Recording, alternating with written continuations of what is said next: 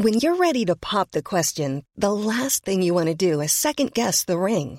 At Bluenile.com, you can design a one of a kind ring with the ease and convenience of shopping online. Choose your diamond and setting. When you find the one, you'll get it delivered right to your door. Go to Bluenile.com and use promo code LISTEN to get $50 off your purchase of $500 or more. That's code LISTEN at Bluenile.com for $50 off your purchase. Bluenile.com code LISTEN. Seriepodden sponsras av 1X2.se.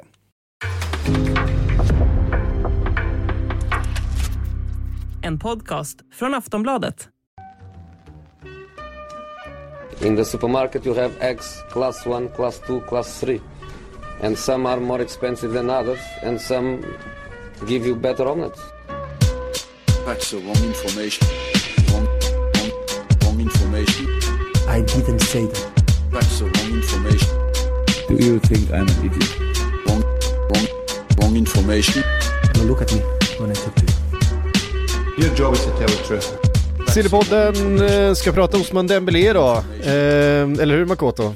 Ja, nu händer det saker. Ja, vi ska prata om hur han lämnar och relationen med Barcelona och sen Frida så ska vi prata om vart han hamnar någonstans för det blir väl England eller? Ja, jag vet inte. Jag tycker vi har pratat så mycket om Osman Dembélé att jag är förvånad över att det finns något nytt att säga. Men, men spännande. Ja. Ja, det- det gör det ju. Ja, för nu har vi ju rakt på sak. De har ju suttit där i, som sportchefen Alemani själv sa, i fem månader har vi förhandlat. Och det är ju anmärkningsvärda här är ju sättet man går ut med det här på. För att Barcelona släppte sin trupp till matchen mot Atletic här som de förlorade i Copa del Rey igår. Eh, under tidigt på dagen där, där Dembélé inte fanns med, det hade ju ryktats om det innan. Och samtidigt då tillsammans med det här så släpper man en video i sin liksom officiella kanaler på sportchefen som förklarar läget med Dembélé. Där han går ut och säger, vi har försökt i fem månader, Osman Dembélé har visat tydligt att han inte vill vara en del av den här klubben. Så vi kommer sälja honom innan vinterfönstret. Alltså i princip bara, du har inte förlängt, du har, du har fått chanser att göra det stick. Eh, rakt ut.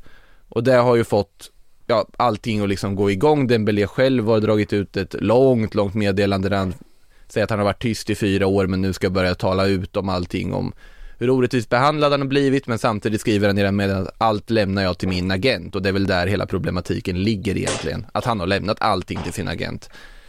Um, de, agenten menar ju på att Barcelona håller på att utpressa dem med att sätta liksom hot om att han kommer att sitta på läktaren resten av säsongen ifall han inte ifall han inte förlänger eller ifall han inte lämnar. Och det menar man ju är olagligt. Spanska spelarfacket har gått ut med ett officiellt uttalande där man säger att ja, det är ju inte liksom en rättighet att få spela matcher, men så länge Osman Dembélé får träna och så vidare så är det ju liksom okej. Men om det är så att han särbehandlas på något vis för att han inte skriver på ett kontrakt och hotas till att göra det, ja då, då är det liksom olagligt. Så att det är en otroligt infekterad situation just nu där Barcelona rakt ut gått och sagt vi kommer sälja Osman Dembélé innan januarifönstret stänger. Eh, så att eh, de sätter sig i ett väldigt intressant förhandlingsläge. De kommer vara desperata på att bli av med honom. För att de är nu inte intresserade av att han ska lalla runt där på träningsanläggningen i ett helt halvår utan att få se liksom skymten av matchspel. Xavi vill ju använda honom om man får möjlighet och Xavi har ju sagt det tidigare också att jag förstår inte. Han säger varje gång jag pratar med honom att han vill vara kvar och sen säger agenten det samtidigt och blir inte klok på hela situationen. Så att, ja, Dembélé är ju inte känd direkt för att lämna sina klubbar på ett väldigt liksom så här smidigt vis om man tänker på agentkaoset som omgärdade hans flytt från Rennes till Dortmund och man tänker på hur han medvetet och också erkänt skippade träningarna och bara sket i att gå på dem för att han ville tvinga fram en flytt till Barcelona för 1,4 miljarder. Och nu den här soppan. 1,6 Ja. 1,6 miljarder. Ja, till och med där är växelkursen då kanske. Jag har svårt att veta eh, om vi ska tycka lite synd om honom också. För att jag tänkte på det när jag läste hans statement då som han la ut. Att det här med att ah, det har förekommit så mycket skvaller de senaste fyra åren. Jo, det har det ju faktiskt. Och vi är väl ganska skyldiga till det också, får man ju ändå konstatera. Eh, Man vet ju aldrig riktigt vad som före, försiggås bakom kulisserna. Men intrycket man har fått är ju att han har varit omöjlig att göra med. Men det kanske inte bara är, är han då. Det, det kanske finns en del andra aspekter också. Det känns som att det, det, det, stora problemet har ju inte varit hans uppförande, det stora problemet har ju varit alla hans skador. Eh, att han har varit så otillgänglig. Eh, han har spelat eh, Du har ju räknat på det här. Ja, jag har räknat på det här. Han har alltså spelat från start 58 ligamatcher sedan han kom. Eh, det är inte speciellt bra. Eh, han, och då har han liksom spelat ut ett helt kontrakt på det. Eh, om vi utgår från att han inte spelar några fler eh, ligamatcher eh, överhuvudtaget så är det alltså 58 starter i ligan de fick ut av honom under de här fyra åren. Eh, tre åren. många år är det? Det är väl fyra, han kom väl samtidigt som Coutinho Ja, ja precis. Ja, det är fy, fyra säsonger. Eh, och 58 starter. Sen är det ett, ett, antal inhopp och så vidare, sen har han spelat en hel del i Europa och, och annat också. Men eh, han har ju varit skadad alldeles för mycket. Eh, och, och, missat alldeles för mycket och det är ju det som är den stora frågan. För kvaliteten har ju inte varit, varit egentligen ifrågasatt. Ja, alltså, kontinuiteten. Ja, kontinuiteten i kvaliteten. Han har ju varit en spelare som man blir frustrerad på att se på att han har sån enorm högsta nivå men samtidigt kan han göra så otroligt obegripliga misstag och sånt på en plan. Men där finns det en aspekt och det var ju därför det diskuterades, borde Barcelona förlänga? Och där kommer vi fram till, jo, men det är nog värt att förlänga av ekonomiska skäl, det är värt att förlänga för att det är en spelare som har spetsegenskaperna som Barcelona saknar i övrigt. Eh, problemet här är ju att Alltså jag håller med dig Frida, för när man börjar läsa det meddelandet tyckte man synd om honom och sen så kommer man till delen där han säger anklagar Barcelona för utpressning och det, delen där han kommer till att jag lämnar allting till min agent och sköter bara fotbollen själv. Du måste väl ha märkt vad det är som för sig går och vad agenten säger och hur de här förhandlingarna har strandat och hur Barcelona ser på det här. Men sen eh. är han ju ganska ung också. Alltså det, det, måste man kanske väga in i det hela. Att det är kanske inte är helt lätt att förstå vad som är rätt eller fel när man är så pass nej, nej, nej. ung. Ja, det, det, det är ju bara, det är en dålig bortförklaring kanske. Men det ja, finns det ju förklara lite grann i alla fall. Det finns ju fel på båda sidor utan tvekan men grunden blir ju på något sätt att han, han har haft otroligt dålig rådgivning mm. genom alla år. Det är ju, det är ju uppenbart att han har haft det. Ja, eh. Ganska många som har det alltså när man sitter och, och, och tänker på det. det är, hur, hur, många, hur många agenter finns det egentligen där ute som är liksom helt och fullt kompetenta? Jag, jag vet inte. Nej, den här avregleringen utav agent, eh, det, det, är ju det är ju länge sedan nu, men, men utav det skrået, det har ju inte gynnat alla. Eh, det, vi kan Eller det beror väl på vad, är man ute efter pengar så det är klart då behöver man ju en typ av en mm. typ av agent och byta klubb och sådär. Då är det ju gött att ringa Mino Raiola och få till en övergång. Men mm. Eh, i övrigt så lämnar väl de flesta agenter en, en del att önska. Hur mår Mino förresten? Det kom uppgifter om att, ja. han var, att han var sjuk och låg på eh, intensiven i eh, Turin va? Ja precis, det är, väl, det är, väl, oklart exakt vad det är som har skett där, vet att vi har skrivit om det också men det är ju oroväckande såklart. Var det inte Tyskland? Ja till och med det är det ju. Det var ju tyska uppgifter i alla fall. Ja, det var Bild som hade skrivit, skrev om det. Ja. Aha, okay, okay. Mm. Men nej det är ju såklart oroväckande och sen det kändes ju som att allt det här, där folk började diskutera, tyckte det var ganska Alltså smaklöst av bild till den artikeln också när man, ja Mino Raiola ligger på sjukhus. Undrar vad det får påverkan på Erling Braut Haalands framtid. Ja, det är inte riktigt det viktigaste här i det här läget. Ehm, um, så, så det, jag tycker man bara släpper det och konstaterar att hoppas att det går bra uh, för honom. Uh, i sammanhanget. Jag tänkte just på det här med agenter på att det är inte första gången, Barcelona hade ju en liknande historia förra säsongen när Elias Moriba, den unga talangen, skulle, skulle förlänga och de hade en agent som satte hutlösa krav om speltid och lönen skulle bli så otroligt bra betald. Och det slutar med att han då går till Leipzig under jätteinfekterade former och i Leipzig har inte överhuvudtaget lossnat för honom. Och där lider man ju med en 18-åring som får den formen av rådgivning och som verkar faktiskt sätta käppar i hjulet för en karriär som skulle bli väldigt fin. Ja, jag lärde mig för övrigt nyligen att Rafinha har Deco som eh, agent. Tyckte jag var lite, lite kul, kuriosa. Mm. Har Thiago också Deco som agent? Eller har de två olika? Det vet jag inte. känns, inte de, känns, känns, inte de väldigt mycket som att, som att de skulle ha sin farsa som agent? Jo, det, det, det känns det, väldigt kompatibla med det. Otroligt kompatibla med att ha farsa som agent tycker ja, jag. Vi ska prata lite farsor sen, eh, tänkte jag. Men, eh, men, men vi, vi kan komma till det. På tal om att ha en lagom bra farsa. det, det, Nu blir det, det blir internt fram tills vi kommer till ja, vi, vi, vi, vi kommer till det. Nej men det, det blir ju såklart jättespännande vart en Dembélé hamnar till slut. Eh, han är fortfarande väldigt ung, han har en enorm potential i den där kroppen. Han kan ju spela fotboll på en nivå som väldigt få människor på den här jorden kan göra. Ehm, och ja, det, det, det är spännande. Alltså, det har väl dykt upp lite uppgifter om att Chelsea ändå ska titta på situationen. Sen förstår inte jag vad Chelsea ska med honom till här och nu. Det är ju också att Tuchel har ju haft honom. Så det är väl där i sånt fall han ser en superfynd att göra här. Just det. Eh, Det har väl, ja, det har väl dementerats lite också. ja. eh, på diverse sajter. De har lite för mycket, för mycket spelare att få igång. Ja. Eh, Christian, Christian Pulisic ska ju vara en av dem som ja, men i så fall skulle ha offrats. Men eh, det är inte så lätt att bara offra en spelare sådär och plocka in en annan i januari. Ja, Det är väl då att Barcelona vill ha en ersättare och att Pulisic har varit på Barcelonas radar, Hakim Ziyech har varit på Barcelonas radar. Eh, en annan klubb som det skulle kunna vara aktuellt, som, som absolut inte borde värva Osman Dembélé just nu, men skulle kunna göra det ju Manchester United. Eh, där man då skulle möjligtvis kunna skicka Martial i motsatt riktning och sen bara få två flugor i en smäll. Men ja, jag, de klubbar jag ser som potentiellt liksom aktuella Bayern München förlängde med Kingsley Coman nu, jag tror inte de är intresserade av den Belena mer. Eh, Newcastle såklart. Men Newcastle, där handlar det ju om att Dembélé ska själv tycka att det är en vettig idé att gå dit. Bottenlaget i Premier League. Eh, Vi har ju sagt det förut att det, den känslan finns ju att han skulle kunna göra en sån flytt Men eh, Newcastle ska väl i alla fall, de har ju alltid ekonomin och kommer ju säkert försöka Det är ju tjänstefel att inte försöka i det här läget för dem. Eh, Juventus kommer väl säkert blanda sig på något sätt. Eh, Känns inte osannolikt där heller.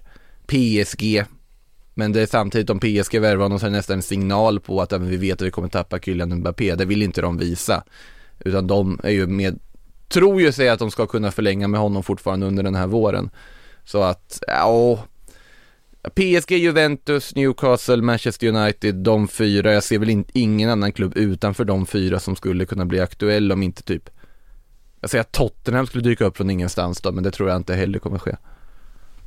Nej. Nej, eh, jag vet inte. Han behöver ju också rätt miljö liksom och rätt förutsättningar för att eh, få ut all den här potentialen. Eh, Ja, alltså han behöver ju få vara skadefri också. Det är det som är problemet och det, frågan är, vågar en klubb riskera med tanke på den skadehistoriken han har haft? han vill ju ha rätt hög lön. Eh, Bevisligen. Sen ska ju sägas att eh, vi vet ju inte vad Barcelona exakt har erbjudit till lön heller och hur Nej. vi- vilket skambud så att säga där de har lagt. Nu har ju väldigt många spelare gått ner i lön i den klubben för att göra plats för annat och så vidare. Men det är fortfarande en klubb som faktiskt fick kämpa bokföringsmässigt för att nu flytta upp Nico Gonzales i A-laget. Jag pratar alltså om att registrera en B-lagsspelare i A-laget. Det var ett projekt. Och de ska nog vara glada att de har faktiskt nu på plats en så pass skicklig sportchef som Matteo Alemani är. För att eh, han gör ganska bra jobb just nu i den klubben. Men nu har de fått in, för, saker. nu har de fått in Ferran Torres. Ehm, Jättevackert mål igår men Ja, och- blek i övrigt. eh, jag skulle precis säga att han har börjat leverera för jag har bara sett målet. Nej det var inte mycket han gjorde i övrigt ska sägas i den matchen men det var ganska många i Barcelona som var ganska uddlösa där. Eh, vi eh, tar oss vidare från Dembélé då, det kommer ju komma mer där. En annan eh, spelare pratats oerhört mycket om är Vlasovic i... Eh, Vlahovic menar du? vad sa jag? Vlasovic. Vlas... Jag kan inte prata.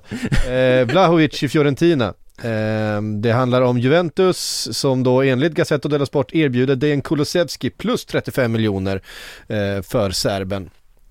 Och då har de ju värderat Dejan Kulusevski 35 miljoner euro, ska sägas, så det är ett bud på 70 miljoner euro och det sägs väl att Fiorentina ändå ska överväga det här och vara lite intresserade, även om de inte kanske ser Dejan Kulusevski som värderad till 35 miljoner euro, samtidigt som Juventus är tveksamma om de ser Dusan Vlahovic som värderad till 70 miljoner euro.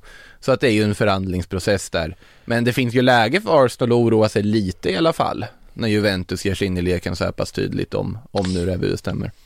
Jo, men jag vet inte riktigt vad det är som pågår om det är så att Arsenal helt enkelt bara vägrar att, eh, att höja sitt bud och att det är därför det har dragit ut på tiden. Eller om det helt enkelt är så att Arsenal inte vill låta sig styras av då Fiorentina eller Vlahovic. Och sen börjar jag tveka kring om Vlahovic själv verkligen vill till England.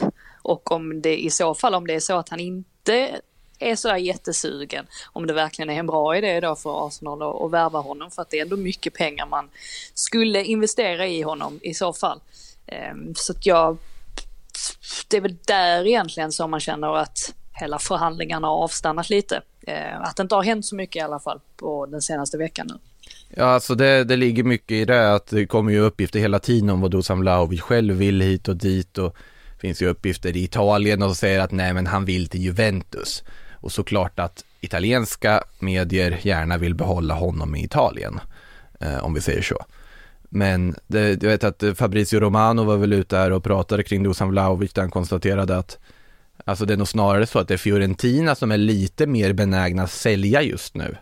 I och Ja, med, precis. och att Vlahovic själv vet inte vad han vill och han, han skulle nog inte ha något problem att vara kvar ett halvår till i Fiorentina och skjuta dem till Europa. Och sen gå. Och sen kunna välja och vraka.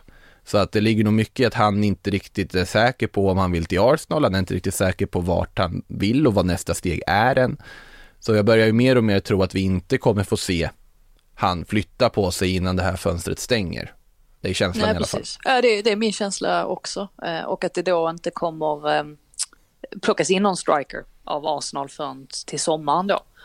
Eh, När Lacazettes framtid också ska avgöras. Så då räknar man väl med att man kommer låta det kontraktet löpa ut helt enkelt. Eh, Så kanske möjlig, möjligtvis då att Arsenal plockar in en, en mittfältare istället då i Artur. Men eh, jag, tror in, jag tror inte på Vlahovic längre eh, med tanke på att det inte har hänt så mycket nu. Nej, senaste. Sen, sen till sommaren så finns ju också typ Jonathan David, det är ju redan öppet att han kommer finnas tillgänglig på marknaden. Det är ju också ett jättespännande namn man skulle kunna ta. Alexander Isak har vi pratat om förut. Det finns ju helt andra former och möjligheter att pricka rätt på den anfallsposten. Och just nu funkar ju Arsenal ganska bra. Så det finns ju ingen idé egentligen att stressa fram någonting om nu inte man lyckas få Vlahovic på ett eller annat sätt. För då är det ju en så pass bra värvning tycker jag fortfarande att den är värd att genomföra. Men tveksamt om Vlahovic själv vill göra den januariflytten. Mm. Ja, du får se. Det, det kommer ju behöva börja röra på sig där snart om det ska, om det ska hända något. Eh, en spelare som har rört på sig, eh, Patrik Wålemark, från BK Häcken till eh, Holland. Det var ett hopp. Ja, det var ett hopp. Eh, det stod, jag, jag skrev in det på ett ställe i körschemat, på, på random. Du la det väldigt högt i körschemat. Ja men det var, jag var där med markören tror jag. jag bara skrev. Eh, det hamnade där, så, så blev det i alla fall. 50 miljoner. Ja, det var, det var ju en, det är ju en anmärkningsvärd övergång som den skedde för ett tag sedan, men vi har ju inte tagit upp den här i podden. Det är ändå värt att eh, notera att Häcken gör sin dyraste övergång genom tiderna. Att Patrik Wålemark då går till Feyenoord, en klassisk klubb, en klubb där vi har sett många spelare lyckas, en klubb där han nog skulle ha en ganska naturlig plats att komma in också. Det pratas ju mycket om att Luis Sinisterra kan vara på väg bort, Napoli är ju intresserad av honom, den kvicke colombianen de har där på kanten. Så att det känns väl som en jättebra miljö för honom att fortsätta utvecklas i och dessutom en stor klubb. Så spännande. Han kan göra en Jesper Karlsson och göra succé i Holland. Ja, Ska precis. man, eh, ska man nämna Brommapojkarnas senaste stjärnskott också eller? Mm, gör det. Jade- Jardel Kanga som, som lämnar för Bayer Leverkusen. Mm. Ändå en eh, intressant övergång. Det kan nog bli någonting av honom. Han är bara 16 bast ju. Spås en lysande framtid. Känns som ett jättesmart val också, just Bayer Leverkusen. Jag tror att Bundesliga i allmänhet är ett väldigt klokt val för unga spelare som går, går, går tidigt där det är lätt för unga spelare att slå igenom, du får min möjlighet och det är en enormt hög nivå av fotboll också och bra miljö att träna och tävla i. Där vi var inne på det just med Wålemark, han har lagom bra farsa. Han har ju det. Man får inte ha en för bra farsa. Han har ju en precis lagom bra farsa, alltså Wålemark Hur- senior, ja.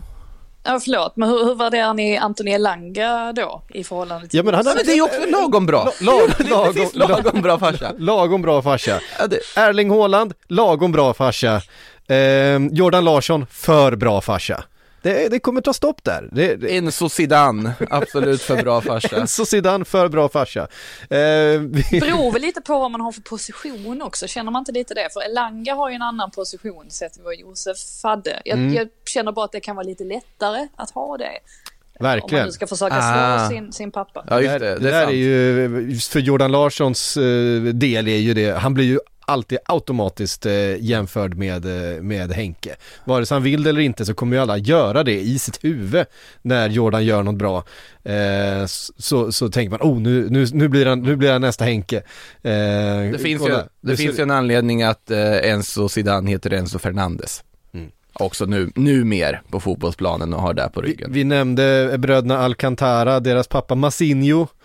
Mest känd för att vara en del i den här eh, bebis... Eh, eh, han, var en, han var en del av den där. han är en av de tre som står Med där med, Bebeto med, med Bebeto och Romario, eh, VM 94. Han är den okända utav dem.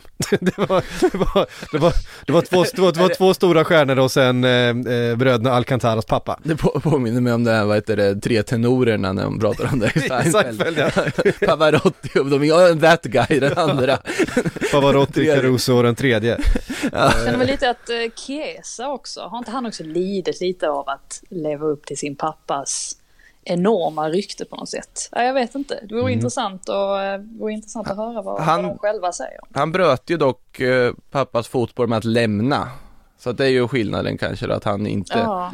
fortsatte den karriären i Är- samma klubb. Erling Braut Haaland, lagom bra farsa. Som sagt, Ja. precis. Alf Inge är precis lagom bra i sammanhanget. Ja, Annan position dessutom. Så att den, den teorin funkar ju också. Eh, vad har vi mer då? Det, här ja det finns ju hur mycket som helst. Kan, jag, tror att vi är, jag tror att vi är något på spåren här ändå. Eh, Ett undantag kanske, Kasper Schmeichel. Ja, jag tänkte på Jag det. tror att han, han, hans farsa är ju då i, i förlängning för bra såklart. Det är en av, Ja. en av de bästa målvakterna genom alla tider, i, i Peter Schmeichel. Men, eh, men Kasper är ju, är ju världsklass han också. Så att där, där, där eh, får vi ändå revidera vår, vår teori lite grann. Men den kan inte vara, ingen teori är ju helt hundraprocentig. Nej, framförallt inte de som vi lyfter spontant bara för att vi pratar har ju samma om det. position dessutom.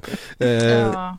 Men jag känner väl ändå att Kasper, han har ju aldrig riktigt, han har ju inte tagit det sista lilla klivet ändå. Det känns som att han har, stå, han har, stått, och, han har stått och knackat på dörren. Men Ja, han har liksom absolut. Riktigt, har inte riktigt, riktigt nått upp till de absolut, Nej. absolut största. Nej, han har, han, han har ju inte nått upp till farsans höjder, men det har ju nästan ingen annan målvakt gjort heller. Han har ändå vunnit Premier League, han har ändå... Ja, absolut. Men jag tänker liksom en sån som, om man tänker på, på den lilla gruppen med Janne Oblak och, eh, och Ja, sådär. Alltså ja. att, Han har inte varit uppe kanske- där bland liksom världens 5-10 bästa målvakter, det har han ju. Vad har vi på Jan Oblaks farsa? har, vi något, på det? skulle inte han förresten ha varit med i, i världselvan? Oblak, Som- som den här säsongen? Nej. Ja, nej. alltså nej, förra, alltså kalenderåret. Du tycker det? Ja, Oblak? det tycker jag nästan. Ja, så viktig som han var för, för titeln där och sånt. Jag tycker Ja, möjligt. Jag tycker ändå att det kändes rätt att det stod där mellan Donnarumma och Mandy i, i slutändan. Eh, tycker Oblak inte riktigt har visat samma, alltså utomjordiska nivå på senare tid. Rent, rent statistiskt har han ändå legat i topp. Alltså sett till antal räddningar och sånt. Det är svårt att argumentera mot statistiken, det är ju faktiskt sant. Eh, Ja. Ma- Matjas Oblak heter för övrigt Jan Oblaks pappa. Otroligt oklart vad han dock gör. Bara det faktum att han inte dyker upp här i Google-sökningen säger väl en del om att han kanske inte hade någon större karriär. Men eh, om någon har koll på slovensk fotboll får de ju rätta mig här. Ja, eh, det, det, det är alltid någon som har koll på något när man säger något. Eh, av lyssnarna, det, man kan vara så här, ja, När, när vi den inte här- har koll menar du? den här, den här haitiske vänsterbacken, eh, han är svinbra. Det dyker alltid upp någon så här, ja, den där, vet, den här haitiska ligan har minsann. Eh, det, slår aldrig fel. Vi, eh, vi går vidare, jag tyckte det i alla fall var ett kul, eh, en lagom bra farsa, det är det man ska ha. Man får inte ha en bra, för bra farsa. Så alla ni som är eh, misslyckade där ute, ni, ni kan skylla på era Alla ni som är misslyckade. Ja, alla, alla, alla ni som har misslyckats med era fotbollskarriärer, ni får skylla på att ni är en för bra farsa. Eh, vi får väl ta upp det här, vi, vi, vi nämnde det, en bra morsa då? Finns det några bra morsor där ute? Eller lagom bra? Men jag vet inte ifall vi, eh, de stora stjärnorna, de skulle ha då Men ur det som var, perspektivet ska då William var- Svedberg misslyckas då? just det, Men där har han ju faktiskt en lagom bra farsa, men en kanske Icke för, för bra, bra morsa. morsa, det är ju jävligt spännande med Williot. Hur ska detta gå? Ehm, Ja, Det är spännande, vi får följa Wiljots karriär bara av den anledningen tycker jag. Eh, vi, vi tar oss vidare. Eh, Diego Carlos, eh, icke namngiven Londonklubb, ska inte vara Arsenal, eh, försöker nu eh, norpa värvningen framför ögonen på Newcastle. Är det, är det Chelsea? Det, de behöver ju mittbackar, det har vi varit inne på. Alltså det är väl rimligt med Chelsea, Tottenham eller West Ham i det här läget. Alla de tre. Alla behöver mittbackar finns det, faktiskt. finns det en rimlighet i att försöka norpa den. Eh, nu tror jag i och för sig att det här är, Kan West Ham göra det så vore det ju dunder för dem. ja fast det är det inte också lite Sevilla som gör sin grej Så kan det vara. och piffar upp det här priset och visar att kolla Diego Carlos är fortfarande i ropet. Nej Newcastle, ni går inte på en mina här. Ehm, Ja, jag tänker väl eh, Tottenham också. Alltså, ja. Hade de kunnat göra en sån typ av, eh, en sån typ av övergång bara sådär. Det kanske finns i och för sig andra positioner som de prioriterar före, men Nej, Tot- Tottenham har väl ganska mycket på gång just nu. De har ju inte gjort någonting än, men det känns som att de kommer att börja agera nu, för det pratades om att de skulle göra två, tre värvningar i det här fönstret. Så de, Conte och Paratici har väl haft sina möten nu, och nu är de väl redo att börja agera också. Och där har ju pratats om allt från Adama Traoré till eh, Frank Kessie och så vidare. Men grejen med eh, Diego Carlos också är ju att han verkar ju vara en av väldigt få som faktiskt vill gå till Newcastle. Så jag förstår ju inte riktigt vad det är som, eh, vad det är som gör att det drar, drar ut på tiden så här. Monchi.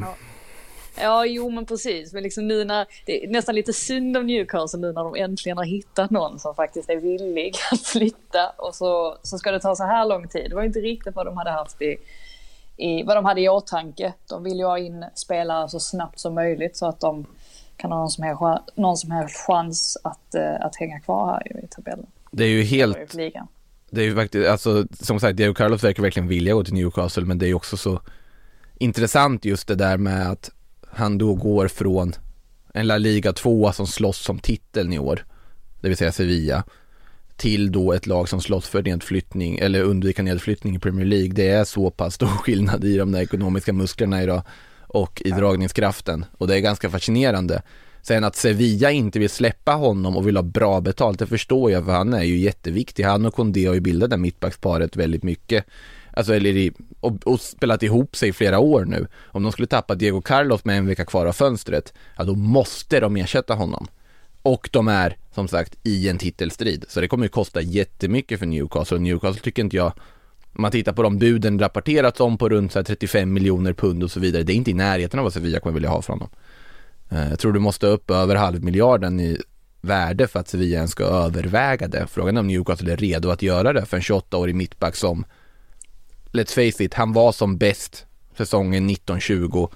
Han har haft en liten förmåga att dra på sig lite straffar, lite onödiga saker under säsongen. Liksom Jules Condé har ju sprungit förbi honom när det kommer till liksom attraktionskraft på marknaden. Det är väl kanske därför också Newcastle siktar in sig på honom för att man vet att det här finns ett läge att värva någon.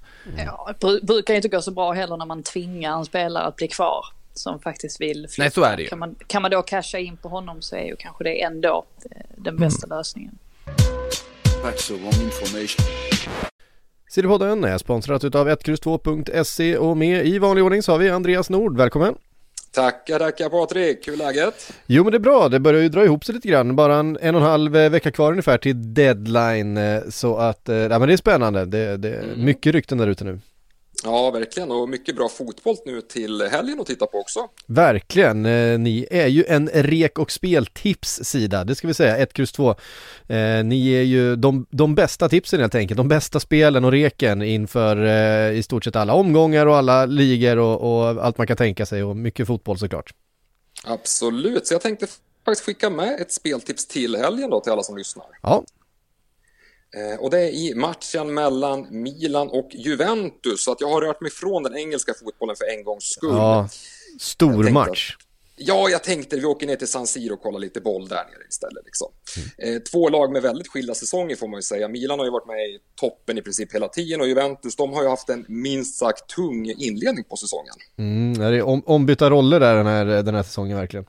Ja, verkligen. Men man får ändå ge Juventus att de har ätit sig in mer och mer och är ju faktiskt bara någon enstaka poäng nu från den här topp 4-placeringen. Och vid seger mot Milan så ligger man ganska bra till och kan då kanske vara med och störa där uppe i toppen. Så Milan har en del skador, har spelare borta på Afrikanska mästerskapet och Juventus har momentum, vunnit mycket matcher, hållit mycket nollor på slutet. Jag tror att Juventus kan störa Milan, så jag kommer spela Juventus, draw no bet till 95 gånger pengarna. Vilket betyder att vi får pengarna tillbaka på oavgjort, men spelet sitter om Juventus vinner matchen då. Mm. Och det och en massa andra speltips och reg hittar ni såklart på 1X2.se. Facts or wrong information. Eh, Newcastle är ju dessutom ute efter fler spelare såklart. Eh, De behöver, de behöver göra något för att ta, ta sig ur sin, sin situation. Eh, Vill låna in Jesse Lingard och vi minns ju vad han gjorde för ett år sedan ungefär i West Ham så att ehm, Ja, försöker ju febrilt i alla fall. De har väl lagt sitt andra bud nu enligt The Athletic. Um, verkar ju som att eh, liksom bollen ligger i, i Lingards korg för att Mm. Man United ska vara öppna och, och låta honom gå på lån nu under våren för att han får ju uppenbarligen inte speciellt mycket speltid av Ragnek. Så nu verkar det ju upp till Lingard att bestämma sig för vad, vad han vill göra. Sjukt ändå att, han inte, att de inte släppte honom till West Ham i somras. Visst ville, ville både han och West Ham eh, att han skulle... Men där fanns det väl också en alltså, tanke att han skulle kunna slå sig in med tanke på vilken succésäsong han gjorde under våren, att kanske slå sig in, men han har inte lyckats under det i hösten. Nu har man sex månader kvar på kontraktet, Lingard lär ju inte förlänga med United i sommar och det här är det sista läget att på något sätt få någon form av avkastning på honom och då är det väl att låna ut honom med lönen betald, få en liten hyravgift kanske också, eh, någon symbolisk summa där och sen få lite pengar från honom i alla fall och samtidigt han verkar inte ingå överhuvudtaget som sagt i Ragniks planer så att det är väl det bästa för alla parter och jag tror att det är en, det är en bra värvning av Newcastle om de får igenom den. Gud ja. Sen, Och, han, och han fyller alltså 30 år i år. Ja, Bara det det är är ju helt otroligt. Ja, I mitt huvud är han ju fortfarande 23 och lovande. Ja, men visst. eh, det var ju ett tag sedan det tåget gick. hans karriär är ju snart över. ja men man, man är ju, man är ju Jesse Lingard själv, så är det ju. Det är samma. Nej det är jag inte. Det- man tror själv att man är 23 fortfarande. Men, Ja, precis. Ja. Ehm, nej, det är klart att det, alltså jag tycker också man har sett när han har kommit in för Manchester United att, att han, har, han håller kvalitet, men han får ju nästan aldrig spela. Ehm, Eh, han har sen, haft lite otur också, just det Mm. att han har hamnat lite i, i kläm nu de senaste åren. Och, ja, jag vet inte, precis som Makoto var inne på där, han, han hade väl förhoppning om i somras efter att han hade kommit tillbaka från den fantastiska den fantastiska våren att han skulle slå sig in men eh, det, det händer liksom aldrig riktigt för honom i Man United. Jag tror att det är en ganska stor sorg för honom också Mm. för att han är ju verkligen Man United through and through och kanske har det varit svårt för honom att acceptera att det aldrig kommer hända, att det är därför han, har- han tvekar kring att Ja. flytta för att han bryr sig så mycket om klubben och det, det är ju fint i grunden. det, det ligger mycket i det tror jag också. mm. Ehm, och så ska man ju komma ihåg att han under, under den perioden då han kanske skulle varit som allra bäst där, under 25, 26, 27 så, så lossnade det liksom inte för honom. Han hade den där tvåårsperioden utan ett enda, ett enda poäng, eh, om det var så länge. Men det var i alla fall en, en lång period, det blev liksom nästan ett meme att, att Jesse Lingard inte en meme. en, eh, en enda poäng och, och det är klart att eh, det är sånt det är lite svårt att skaka av sig när man har formsvackor som eh, håller i sig och man får inte förtroendet och det,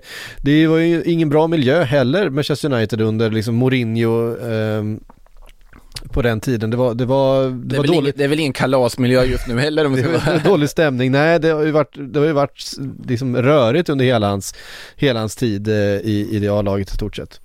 Ja, ja. Ehm, kanske blir det Newcastle, det hade varit eh, intressant. Eh, en spelare som eh, eh, Tottenham vill göra sig av med är en Dombele och eventuellt vill PSG låna in honom. Detta enligt eh, The Athletic. Är det inte otroligt egentligen? Du kan, vara, du kan gå från rekordsumma till en klubb och vara ja, men i stort sett usel sen dess och ändå landa en övergång till PSG. Jag, jag, ja, visst det säger ju lite grann om vad att klubbar ser att en Dobbele har så otroligt mycket kvaliteter inom sig med att han måste få ut dem på något sätt. Så att vill de ta chansen att eh, plocka in honom så ja, det kanske är en bättre miljö för honom också. Han kommer närmare sitt, sitt hem ju, eller där han är född och uppvuxen. Så att det, det kan ju vara en, en, en bra idé för honom att få en ny start på det sättet. Han kommer ju från P- alltså Paris-trakterna så att, eh, och PSG ville ju ha honom när han gick till Tottenham också. Så att de har ju haft ögonen på honom och jag tror ju också att det är en spelare som har mycket kvaliteter om du prickar rätt. Sen vet jag inte om PSG är rätt miljö att göra det i, det återstår att se men det är såklart att där inne mitt fältet, även om de värvar mycket till det så är det sällan de värvar spets och sällan de värvar någonting som verkligen funkar. Bortsett Marco Verratti och det var ganska många år sedan de värvade honom nu. Um, så jag, jag tycker att, alltså Tottenham borde ju fira när de ser det här budet dimpa ner i mailkorgen. Levi borde ju liksom slänga upp en flaska champagne och bara jubla.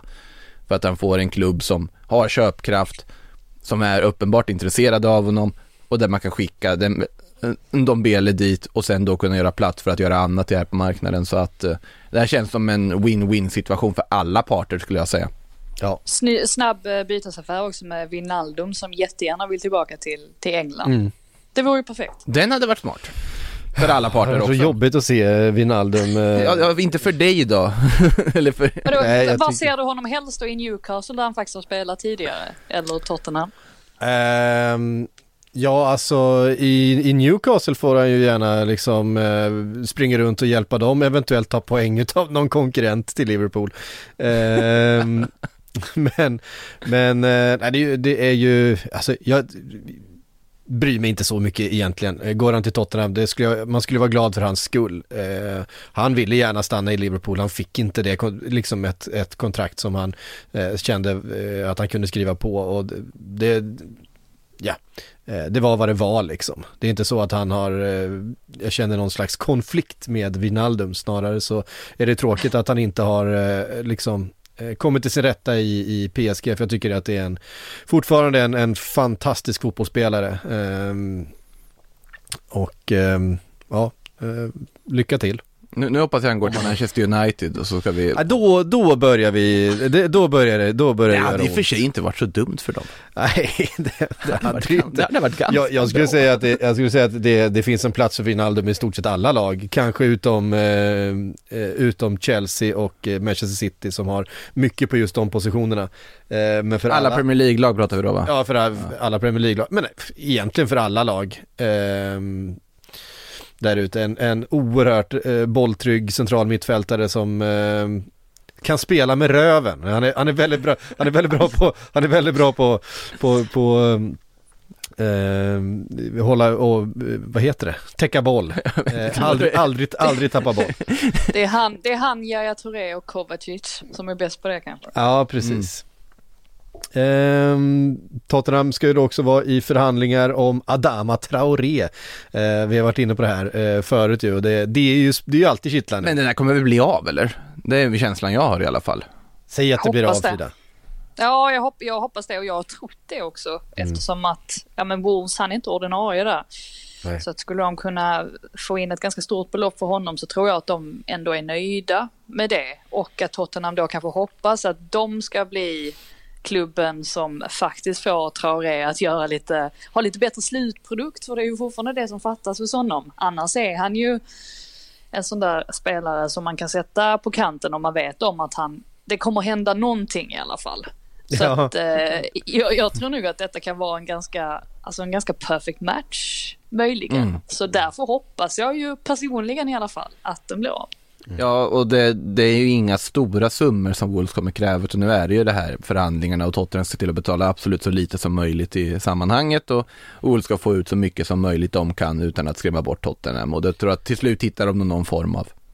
Jag hade tagit honom till Liverpool Ja, ja det vet jag. vilken sekund som helst. Det vet jag. Eh, För vilken summa som helst. Nej, inte vilken summa som helst såklart, men, men för de summorna som det pratas om nu, Ja, ja det, är, 100%. det, är, det är en väldigt bra värvning för de summorna. Ehm, eh, Arthurs agent, eller Artur, jag kan aldrig liksom, Art, Arturs agent på plats i London för att uh, surra med Edu angående Arsenal. Han dök inte upp där utanför fönstret Frida, hos dig.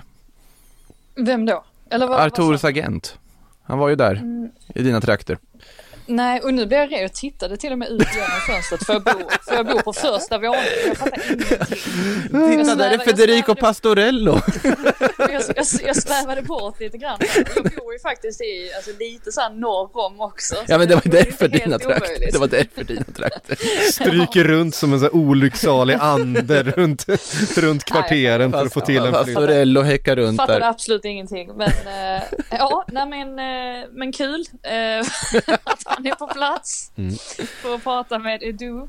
Eh, ja, men här hoppas man ju ändå att någonting händer. Det var ju fullkomlig katastrof i eh, går i semifinalen mot Liverpool där man först var, eh, trodde att man hade turen på sin sida för att Thomas Partey var tillbaka från Afrikanska mästerskapet i förtid.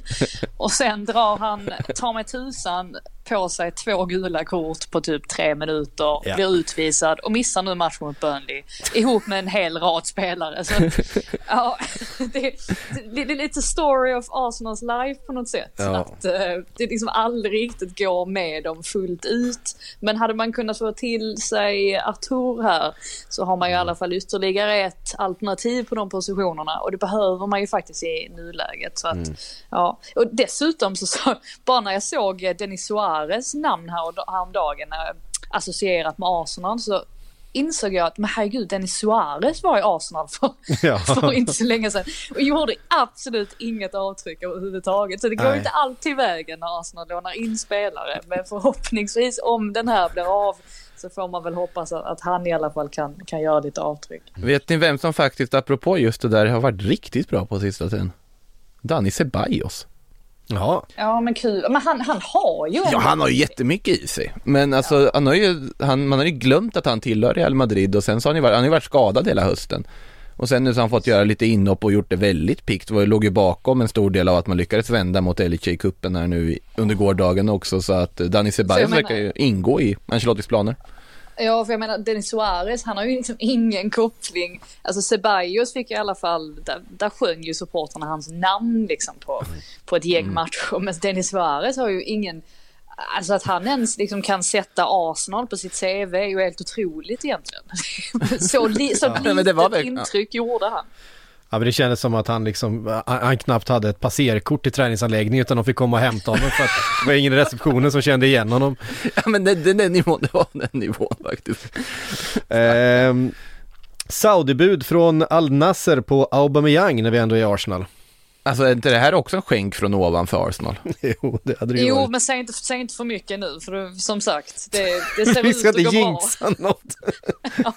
Det ser ut att gå bra i sådär, ja, en stund och sen så kommer backlashen. Mm. Nej, men det, det här är ju såklart, eh, vore ju jättebra för dem och eh, de vill ju bara ha iväg honom. Så att eh, skulle de kunna få en klubb då som, som tar honom och, och lättar lite på trycket där kring lön och så vidare så är ju det en vinst för dem i, i sig och sen får de väl tänka på att flytta honom vidare permanent och jag vet inte om detta var ett lån eller om, om det faktiskt är ett köp. Det ska väl vara lån med och en köpobligation option på, vad var det, 9 miljoner euro eller något sånt där? Något i den stilen. Ja, 9 okej. miljoner dollar kanske till och med. Ja, okej. Eh, ja, för att de, som sagt, han har ju spelat sin, sin sista match i Arsenal i alla fall. Så att det finns ju ingen stor chans alls att eh, det kommer att sluta på ett annat sätt än att han lämnar permanent. De, får, de får ringa sina vänner i Newcastle, där Edo och gänget och sen be dem att fixa lite så här saudisk propaganda som de kan spela upp för Aubameyang på träningsanläggningen för att övertala honom att faktiskt vilja göra det här också. För det är ju det är ju det är en viktig aspekt i det, hur intresserad är Pierre-Emerick Aubameyang själv att spela för Al Nasser eller Al Hilal som också ska vara uppges vara intresserade och lämna Ja. europeiska scenen. Och så har han ju haft lite, han har ju också haft lite oflyt nu under Mm. Afrikanska mästerskapet. Att han tvingades komma tillbaka i förtid efter att ha fått en släng covid och ja, lite hjärtproblem som väl inte ska vara sådär jätteallvarliga. Men Mm. ja, han fick ju lämna turneringen i alla fall. Så att det, det var ju annars en chans för honom att faktiskt visa upp sig igen nu efter någon månad utanför spel. Men det har inte heller gått vägen för honom så att jag vet inte alls vad han tänker i nuläget. Han fick väl till och med också positiva tester efter att ha varit ute och festat med typ Mario Lemina inför turneringen så jag vet inte riktigt vad det inte kanske det smartaste Jag vet inte hur beslutet. mycket, ja precis, jag vet inte hur mycket det, sanning det ligger i det. För han har ju själv dementerat det ganska starkt att det ska vara överdrivet. Men eh, man hade ju inte själv blivit förvånad om det var så att han försatte sig i en, i en sådan typ av eh, situation. Men vi vet som sagt inte med säkerhet. Piggade mest upp att höra Mario Leminas namn än de har inte gjort på ett tag. Nej. Eh, lite fler grejer. Oh, den, här är ju, den här är ju så mustig. Eh, Luis Suarez till Aston Villa. Eh, det, det, finns, det finns ju så mycket här. Men vad, vad håller Gerard på med nu? Alltså, Ja, men, men, han håller ju på, han, han samlar ihop bandet igen. ja men i Aston Villa. va? I Aston Villa. Alltså- Alltså det, det här är ju uppgifter från då Barcelona-baserade journalisten Gerard Romero som faktiskt ändå, ja han sitter och säger det här på sin Twitch-kanal, absolut. Men det här är också en Twitch-kanal där Luis Suarez själv har gästat flera gånger. Romero har ändå ganska god insyn i vad som sker i Barcelona överlag och har en ganska okej träffprocent. Så att det är ingenting som du bara kan liksom vifta bort. Även om det, han sitter som sagt i sin Twitch-kanal. Nu, nu är Twitch mycket större än vad det var för några år sedan, men likväl. Eh, och Su- Suarez då, han verkar inte få förlängt till Atletico, det är en massa brasseklubbar, Atletico Mineiro bland annat, Corinthians och så vidare som varit intresserade. Men Suarez ska ju då sitta och vänta på Aston Villa och det är för att Steven Gerrard ska ha ringt honom och pejlat läget inför sommaren när han blir, kommer på fri transfer då. Eh, Ganska starkt underbetyg till framförallt Danny Ings känner man ju spontant när man hör en sån sak. Han har ju inte riktigt, det har inte riktigt fallit så väl ut som man kanske trodde att det skulle göra när han gick till, till Villa. Det har Nej, inte varit har inte katastrof men, men han har inte, han har inte gjort så stort avtryck som de hade tänkt sig att han skulle göra. Sen vill jag dock eh, lägga in ett varningens finger här att det är ganska tydligt att Luis Suarez gått ner sig under de senaste året egentligen när man börjar se att han tappar lite speed, tappar den här edgen. Jag är inte säker på att han går in och petar Watkins Ings idag. Eh, sett till den liksom, kvalitet han har här och nu. Sen kan det ju vara en del av att Atletico Madrid inte funkar som lag också. Men, eh, och sen är det ju lite snack om återkomst till Barcelona och så vidare för Suarez också, att den, den bollen ligger ju där. Och den känns inte heller omöjlig att Suarez skulle hoppa på. Han ville ju inte lämna Barcelona från början. Nej. Och eh, personen som var en stor anledning till att Suarez lämnar Barcelona, det vill säga Ronald Koeman, han är inte kvar.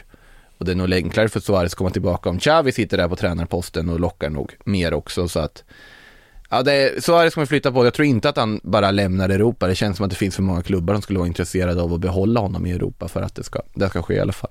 Mm. Ehm, fint, vi eh, har fått eh, en massa frågor såklart. Vi ska försöka riva av en eller två. Den här är ju kul. Eh, Andreas Lind skriver ba Balotelli till Newcastle. Bra eller underbart? Alltså det här är blivit, det är ju alltid kaos eh, där Balotelli är. Ja, nej, men nu får de ju, nu får de ju lugna sig. Alltså, om, det, om, det nu, om det nu är så att de ens har liksom tittat på det här, då måste det ju, eh, då måste de ta ett djupt andetag och, och lugna ner sig enligt mig i alla fall. Alltså de här uppgifterna kommer från att det var en klubbpresident där han sa att Newcastle har hört av sig om Balotelli men det, det ska man väl kanske ta med en nypa salt. Mm. var väl sajt, tysk, inte, turkiska fotbollssajten Fanatic som skrev om det om jag inte är helt ute och cyklar här.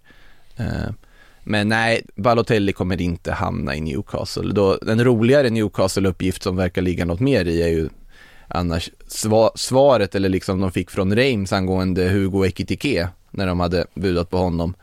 Där Reims-presidenten gick ut och sa att äh, men de budar ju det här men vi var inte helt nöjda med bonusarna som de hade med liksom i Nu, nu vill jag, nu vill Ja. jag bara påpeka att man säger Rens. Har du kollat upp det här nu? Att, att M, jag frågade en eh, fransk, min franska kollega på, på Etihad förra helgen och han bara Rens. Rens. No, no M. No, No M. Rens, bra, att, eh, tack. Nu vet vi det. Och plus att han tillade att eh, han, eh, att Kajuste faktiskt, eh, att det är många som pratar om honom i Frankrike. Kul. Flytt dit. Kul. Vilket är väldigt kul. Ja. Mycket kul. Eh, Ekitike i alla fall, var att då Newcastle hade budat och då hade de haft massa liksom, ja men vi ger de här pengarna plus lite mer extra då. Och då var ju en av bonusarna då att ni får så här mycket om Newcastle vinner Champions League. Och det hade ju Rent-presidenten då konstaterat att det var ju otroligt osannolikt och orealistiskt och därför tackade vi nej till budet. Eh, de verkar i alla fall fortsätta förhandla där och det verkar vara många klubbar som vill ha honom, den unge fransmannen. Mm. Eh, William Karlsson undrar, vart skulle Martial kunna hamna? Blir han kvar i United så lär det inte bli någon speltid. Samt kommer United ta in en defensiv mittfältare nu i januari eller väntar man på att Zacharias eller Kessis eh, kontrakt går ut i sommar? Eh, det kommer inte komma någon i, nu i januari, det tror jag vi eh, är rätt säkra på. Vågar vi slå fast det redan? Jag tror, de, alla indikationer som har kommit är ju att det inte ska värvas någon nu i, i januari. Indikationerna är också baserade på att det händer ju verkligen ingenting. Nej. Och det är helt tyst. Eh, Ja, och Ma- Martial tillbaka på bänken dock ju. Mot Hmm. eh, Mm. Brentford, vilket var eh, ganska oväntat på ett sätt. Det ska ju, jag är ju inte jätteförvånad över att kommunikationen har brustit mellan Martial och en tränare. För det har ju skett cirka, ja, men, åtminstone fyra, fem gånger de senaste åren. Att det är någonting ganska stort som då när han skulle ha, han skulle ha barn och sen så berättade han bara det för Mourinho och sen så flög han hem från deras försäsongsturnering i USA och det, det, Mourinho uppfattade det som att det var ingen fråga utan det var mer att han bara berättade att nu drar jag. Så att han är ju inte, Martial är inte den bästa på att kommunicera och så ska jag ha varit fallet nu också i det här med att Ragnik påstod att han hade sagt att han inte var tillgänglig. Ja men då hade Martial menat, menat det på ett annat sätt. Eh, Så att, ja, vi får väl se om han kommer att inkluderas här framöver. Han fick inte spela i alla fall. Eh, Och det finns ju en del andra spelare som, som gör bra ifrån sig just nu så att det finns ju en hierarki också att ta hänsyn till. Alltså problemet här är ju vad United kräver och att Martial verkar inte vilja gå till en konkurrerande Premier League-klubb. Han vill hellre utomlands och då är det ju tre klubbar det pratats om och det är Barcelona, Juventus, Sevilla. Och United ska väl kräva fullt betald lön. De ska dessutom enligt vissa lösa uppgifter, rätta mig om du har sett något annat Frida här, men att de ändå kräver en ganska saftig hyravgift Mm. för det här lånet och då pratar vi alltså, vi pratar ju tresiffriga belopp i Ja. kronor. Och det är ju helt orimligt för de har ju helt missförstått vad de här hyrorna oftast innebär. För jag tänker liksom, när Alvaro Morata nu går, är på lån i Juventus så betalar Juventus väldigt mycket pengar per säsong till Atletico Madrid. Men det är ju också pengar som dras av en köpoption som ligger där. Att det är ungefär som, ja, vi är inte säkra på att vi vill ha honom, men vi betalar i förskott.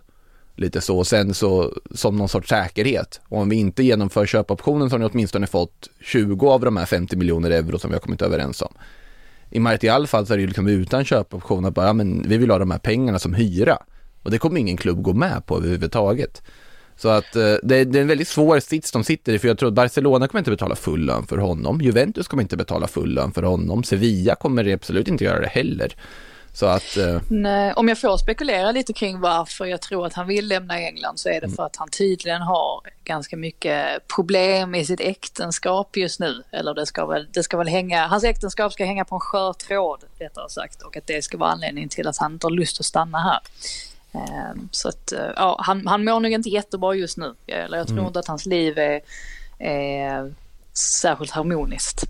jag hoppas fortfarande på Sevilla i alla fall. Jag tror att det hade blivit en, det har varit väldigt kul att se honom i den, den miljön i den klubben. Absolut. Hörde ni, eh, det är faktiskt allt vi hann. Jag vet att du måste iväg Frida. Vi måste eh, ta oss vidare in eh, i fredagen här in mot helgen eh, också. Eh, tusen tack för att ni var med eh, och pratade idag. Ta- tack alla ni som har lyssnat. Eh, nästa vecka är vi tillbaka med mer eh, PL-podd och med Sillepodd och, och, och allt möjligt. Deadline day närmar sig. Deadline day är bara, mm, vad är det, en och en halv vecka bort nu? Ja, det är inte mer än så. Ungefär, så att eh, har, det inte, har det inte dykt upp några trovärdiga rykten om er favoritspelare till ert favoritlag än så börjar det bli ont om tid. Eh, men eh, än så finns det mycket, mycket lösa bollar som eh, måste tas om hand. Eh, så det ser vi fram emot. Vi säger härifrån på åter. Ryan Reynolds here from Mint Mobile. With the price of just about everything going up during inflation, we thought we'd bring our prices down. So to help us, we brought in a reverse auctioneer, which is apparently a thing. Mint Mobile unlimited premium wireless. Ready to get 30, 30, bit to get 30, bit to get 20, 20, 20, bit to get 20, 20, bit to get 15, 15, 15, 15 just 15 bucks a month.